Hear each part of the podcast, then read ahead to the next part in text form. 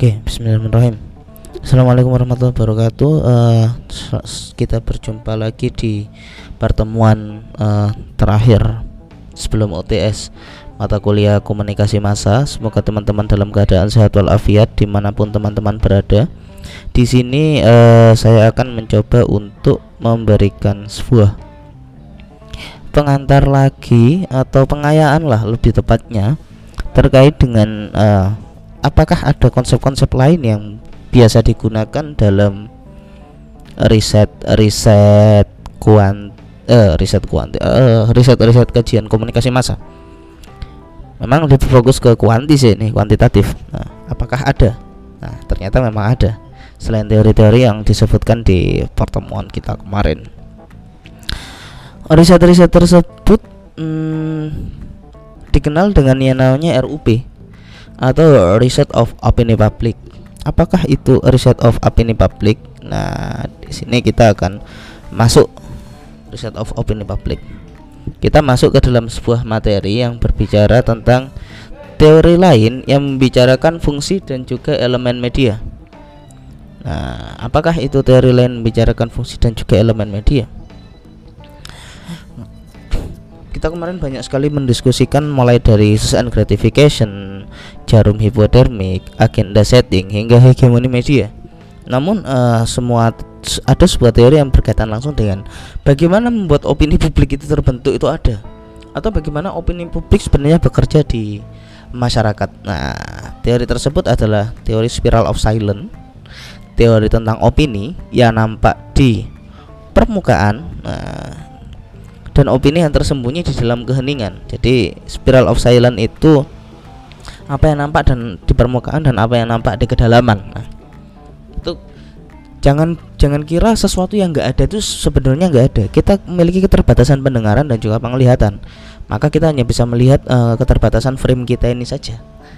Bahwa kita terkadang terlalu fokus pada sesuatu yang manifest atau yang nyata, tapi kita kehilangan sesuatu yang laten. Nah, Penelitian ini adalah karya dari pemikir Prancis namanya Elizabeth Nolan Newman. Dia seorang uh,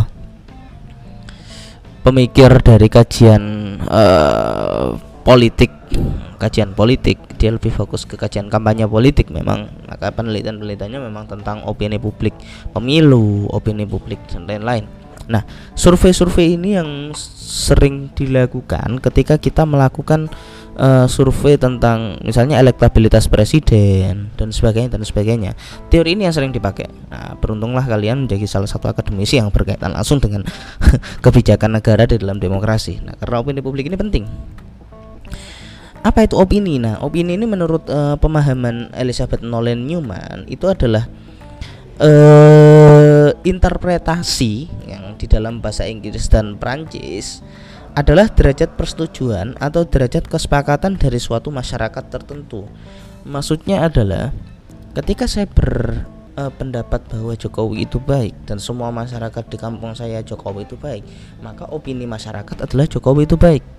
Namun tidak semua masyarakat bilang Jokowi itu baik. Ada sebagian masyarakat yang bilang Jokowi kurang baik, tapi dia kalah dengan pendapat orang-orang yang kurang yang yang baik itu tadi. Nah, Itulah yang menjadi kajian dari Elizabeth Nolan Newman tentang derajat kesepakatan. Apakah derajat kesepakatannya tinggi ataukah derajat kesepakatannya rendah? Apakah derajat kesepakatannya populis ataukah derajat kesepakatannya tidak populis? Nah, itu yang menjadi uh, fokus dari Elizabeth Nolan Newman. Nah, kita masuk saja langsung apa uh, asumsi dari teori ke spiral keheningan atau spiral of silence ini. Dia mencoba menunjukkan bagaimana komunikasi interpersonal atau pesan yang disampaikan media bekerja secara bersama dalam mengembangkan opini publik. Dalam pandangannya sebagai pengamat uh, politik mengenai pemilu, terdapat opini publik yang cenderung berseberangan dengan opini umum. Nah, ini maksudnya adalah ketika semua bilang uh, Jokowi itu baik dan yang eh Jokowi itu baik dan yang buruk itu bukan Jokowi misalnya ada satu pandangan yang bilang bahwa seharusnya calon presiden itu jangan Jokowi dong. Ahok lah sekali-kali. Masa iya presiden dari orang muslim terus? Kapan orang-orang non muslim mungkin orang-orang non muslim punya pandangan seperti itu. Saya tidak menyalahkan dan itu wajar. Dan itu wajar. Itu wajar secara secara kedekatan personal wajar. Nah itu malah Ahok di uh, kekang malah Ahok di penjara malah Ahok di anu ini negara apaan sih mungkin orang non muslim berpikiran seperti itu kita tidak bisa berpikir satu sudut pandang saja nah itulah bagaimana suatu sudut pandang, suatu opini itu apakah ada opini tandingan yang kalau kemarin ada hegemoni tandingan, apakah ada opini tandingan yang memang tidak nampak di permukaan? Nah, itu yang perlu uh, dilihat oleh Elizabeth Nolle Newman. Dia itu melihat salah satunya adalah uh, waktu pemilu Presiden George Bush misalnya, ternyata uh, yang namanya uh, electoral vote yang dilakukan oleh pemerintah Amerika misalnya ketika memilih George Bush misal salah satunya itu tidak sesuai dengan kesepakatan yang sebenarnya ada di akar rumput. Itu hanya kesepakatan para elit misalnya. Ya contohnya seperti apakah sudah baik ketika PP Muhammadiyah itu tidak berpihak ke mana-mana? Jangan-jangan masyarakat Muhammadiyah masyarakat Muhammadiyah pengennya loh kita harus memihak ke presiden dong. Karena apa? Karena biar akses kita lebih mudah secara politik. Tidak tidak ada yang salah dengan pendapat seperti itu. Namun karena elit Muhammadiyah pengennya netral ya sudah kita tidak akan pernah masuk ke dalam politik berbeda lagi ketika misalnya warga Nahdiyin loh kita ini organisasi masa masyarakatan bukan organisasi politik. Masyarakat NU yang sekarang berpihak ke Jokowi misalnya. Kita tidak bisa menyalahkan ketika banyak yang melakukan protes. Nah di situ yang menjadi kajian menarik. Kita uh, dari tadi berbicara soal opini opini opini dominan dan opini yang tidak dominan. Bentuk spiral of silence itu seperti apa sih? Nah, itu ya menarik. Kalian bayangkan uh, ada yang namanya kalian pasti tahu spiral dong. Spiral itu yang uh, kawat yang berputar-putar di ujungnya ada ujung bawah dan di ada, ada ujung di atas. Itu spiral apa ya shock lah pir pir kalau dalam bahasa Jawa itu pir nah, opini publik yang populer itu adalah spiral yang ada di permukaan spiral yang ada di permukaan. Nah, opini publik yang tidak populer itu berada di bawah. Jadi hanya yang nampak saja. Tapi ketika kita uh, kaji kaji kaji kaji lebih dalam, nah itu kan seperti seperti sebuah sambungan yang berputar, berputar, berputar, berputar. Ketika berputar sampai di bawah paling titik paling bawah, di titik paling bawah akan ketemu misalnya opini yang selama ini tidak pernah dimunculkan tapi sebenarnya menjadi pembicaraan publik itu yang menarik apakah nah di sini apakah ada uh, fungsi media yang berpengaruh di situ oh jelas ada Nah, ketika kita ketika kita melihatnya, apakah ada fungsi media yang berpengaruh dalam pembentukan spiral of silence itu? Kalau kita melihat apakah fungsi media ada, ya jelas ada karena fungsi media itu banyak sekali. Kalau kemarin kita berbicara melalui fungsi media, ada media represif, edukatif dan lain-lain. Sebenarnya ada peran media lagi dalam menyusun opini publik, namun kita tidak pernah membicarakannya. Maka saya akan memberikan pengayaan teman-teman di sini. Mungkin tidak semua perguruan tinggi membicarakan hal ini, tapi teman-teman harus karena nanti ketika saya ada pekerjaan riset opini publik teman-teman saya ajak paling tidak teman-teman sudah paham konsep dasarnya nah uh, sebuah intermezzo misalnya saya berikan orang banyak yang terdapat banyak yang terdapat untuk tidak bersepakat dengan Kim Jong Un. Namun berapa orang yang berani menyampaikan opini? Orang ingin banyak yang ingin membongkar kasus Munir, namun berapa yang bertindak? Nah, ini kan problem sebenarnya kalau kita melihat. Ini problem. Nah, ini loh. Ini loh. Kenapa orang-orang itu bisa takut? eh pengaruh media salah satunya pengaruh media pengaruh pemerintah pengaruh represi pemerintah misalnya orang yang banyak banyak peduli aksi Kamisan namun siapa yang berjuang hingga hari ini? Siapa yang tetap tiap hari Kamis datang menotok istana? Siapa? Siapa saya tanya sampai hari ini? Nah itu. Apa kalau misalnya orang tua orang tua korban itu sudah pada meninggal siapa yang masih tetap melanjutkan? Itu menjadi problem. Artis beberapa kali ikut tapi hanya monumental atau hanya seremonial. Paling sekali dua kali selesai. Nggak konsisten nggak ada yang konsisten. Nah, tuh. Ya tapi tetap saya apresiasi. Berarti dia paling tidak sudah mau menyampaikan opininya di tengah opini mainstream. Maka maka di sini uh, dalam spiral keheningan ada gejala atau fenomena yang melibatkan saluran komunikasi personal dan komunikasi media. Dalam menjelaskan uh, mengapa media memiliki uh, pengaruh dalam pembentukan spiral of silence ini, media itu memiliki paling tidak tiga sifat karakteristik yang membentuk opini publik. Yang pertama adalah ekuibitas, yang kedua itu kumulatif, dan yang ketiga itu konsonan selain ini uh, media juga memiliki cara pandang yang menarik terhadap bagaimana membentuk suatu opini publik. Kayak saya kemarin berdiskusi bahwa media itu berada uh, kita itu berada dalam realitas kepentingan. Ya apa yang disampaikan media kepentingannya dia. Kita kan berdiskusi seperti itu. Nah, ini buktinya salah satunya. Teori spiral of silence ini. Ekuibitas. Nah, kita masuk ke apa itu ekuibitas ekuibitas itu mengacu pada fakta bahwa media adalah sumber informasi luas dan di mana-mana sehingga dipercaya. Maksudnya di sini media itu seperti Tuhan yang tahu segalanya. Itu menarik. Nah, jadi kita tuh percaya media karena kita anggap saja media itu tahu semuanya. Jangan-jangan media itu tahu itu dari orang ketiga misalnya. Kita tidak pernah tahu dari kontributor dan kontributornya memang tidak serius dalam mengambil berita Apakah media sanggup untuk membuat kantor di setiap kota paling tidak di Indonesia tidak sanggup. Paling tidak mereka hanya sanggup untuk menggaji kontributor. Banyak teman-teman saya menjadi kontributor di Jakarta Pos, kontributor di Jawa Pos, di tiap-tiap daerahnya. Dia kerjanya cuma nyari berita di daerahnya, kirim kalau publis dia dapat uang, kalau enggak ya enggak enggak dapat. Gitu-gitu.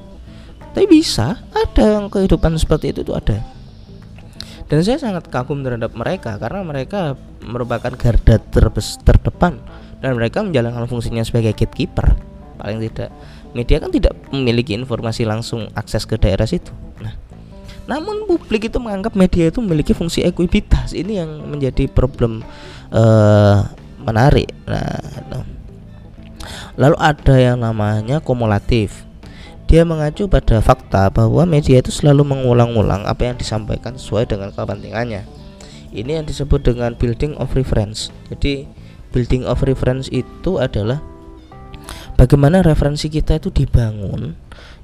Bagaimana cara membangunnya? Membangunnya adalah dengan memberikan memberitahukan sesuatu secara berulang-ulang. Contohnya apa ya? Paling simpel ya Mars Perindo lah.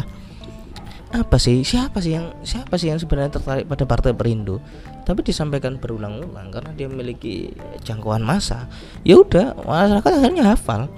Ketika masyarakat hafal paling tidak masyarakat tahu. Ketika masyarakat tahu masyarakat punya keinginan untuk tertarik memahami ideologinya. Ketika masyarakat tertarik memahami ideologinya masyarakat akan gampang untuk dibujuk seperti itu. Itu strategi-strategi media. Sehingga awalnya media yang siapa sih Perindo? Tapi akhirnya Perindo punya suara juga akhirnya.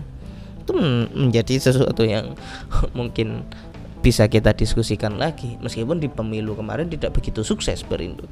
Tetapi paling tidak dia berhasil membuat cara pandang masyarakat itu berubah dari satu sudut pandang ke sudut pandang lain. Itu yang menarik.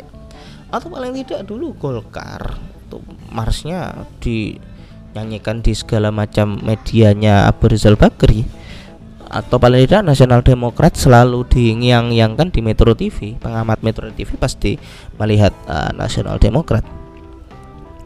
Nah selain uh, itu tadi kumulatif itu kan disampaikan berulang-ulang lalu ada fungsi yang terakhir yakni fungsi konsonan. Nah fungsi konsonan itu adalah dia memframe ideologi atau pandangan media seolah-olah dari masyarakat. Contohnya uh, ketika ada masalah soal kemanusiaan nah ini kemanusiaan yang adil dan beradab ini ideologi Pancasila kita harus buat. Padahal jangan-jangan kemanusiaan yang adalah kemanusiaan golongannya sendiri. Ya contohnya paling simpel adalah kenapa ketika kasus uh, pembunuhan novel Baswedan eh penyerangan terhadap novel Baswedan itu seolah-olah hilang di telan bumi. Namun itu namun ketika ada kasus penghinaan terhadap presiden sampai bisa dicari orang-orangnya ini merupakan problem sebenarnya. Sebenarnya menjadi opini populer itu opini kasus penyerangan novel atau penghinaan presiden. Ini yang menjadi problem. Ini yang menjadi problem konsonan. Jadi seolah-olah penghinaan presiden itu sesuai dengan ideologi bahwa kita bangsa yang bermartabat gini-gini disampaikan macam-macam. Tapi gimana kasus kemanusiaan novel itu? Berhenti sampai di mana? Kita tidak akan pernah tahu. Nah. Ada beberapa faktor yang berpengaruh dalam penyampaian pendapat. Dari riset Newman itu teman-teman bisa baca di bukunya Pak Morrison. Nah, salah satunya adalah mereka dengan kategori usia tertentu. Misalnya 45 tahun sampai 59 tahun berjenis kelamin pria dan kota besar ini berkaitan dengan status kemapanan dan tingkat pendidikan.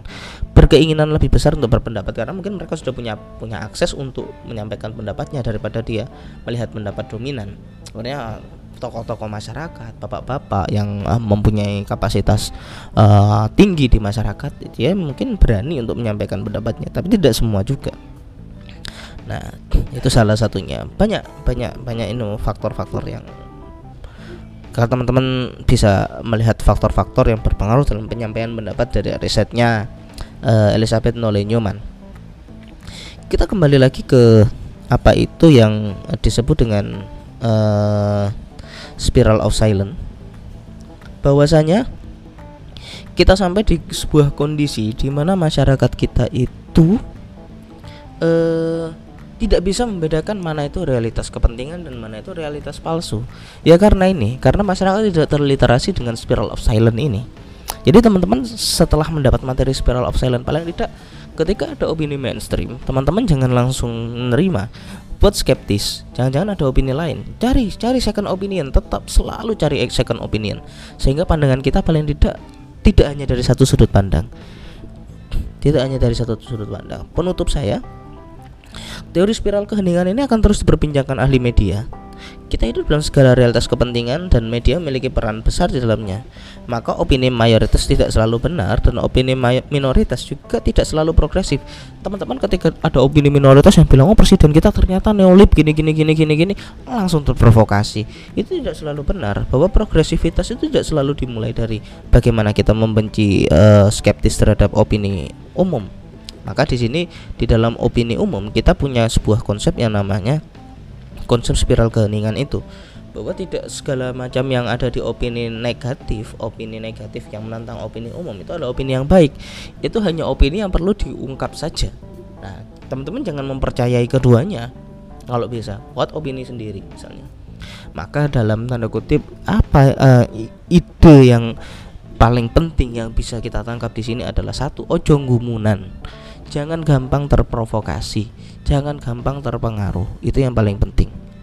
Karena orang komunikasi itu punya cara pandang sendiri dalam melihat dunia, bukan tidak bukan eh, ketika ada informasi seperti ini dia langsung share, bukan ada informasi seperti ini ketika dia misalnya belajar neoliberal atau belajar konsep-konsep Marhen, konsep-konsep Marxis, konsep-konsep itu dia langsung bilang bahwa ideologi Pancasila itu tidak tidak benar, bahwa itu sesuatu yang sesat. Nah, orang komunikasi tidak seperti itu. Kita mempelajari hal yang lain karena karena kita harus tahu paling tidak tahu lebih banyak daripada mereka seperti itu.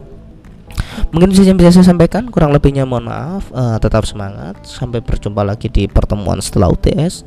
Semoga teman-teman selalu dalam keadaan sehat walafiat dan akhir kata bila taufiq wal. Wassalamualaikum warahmatullahi wabarakatuh.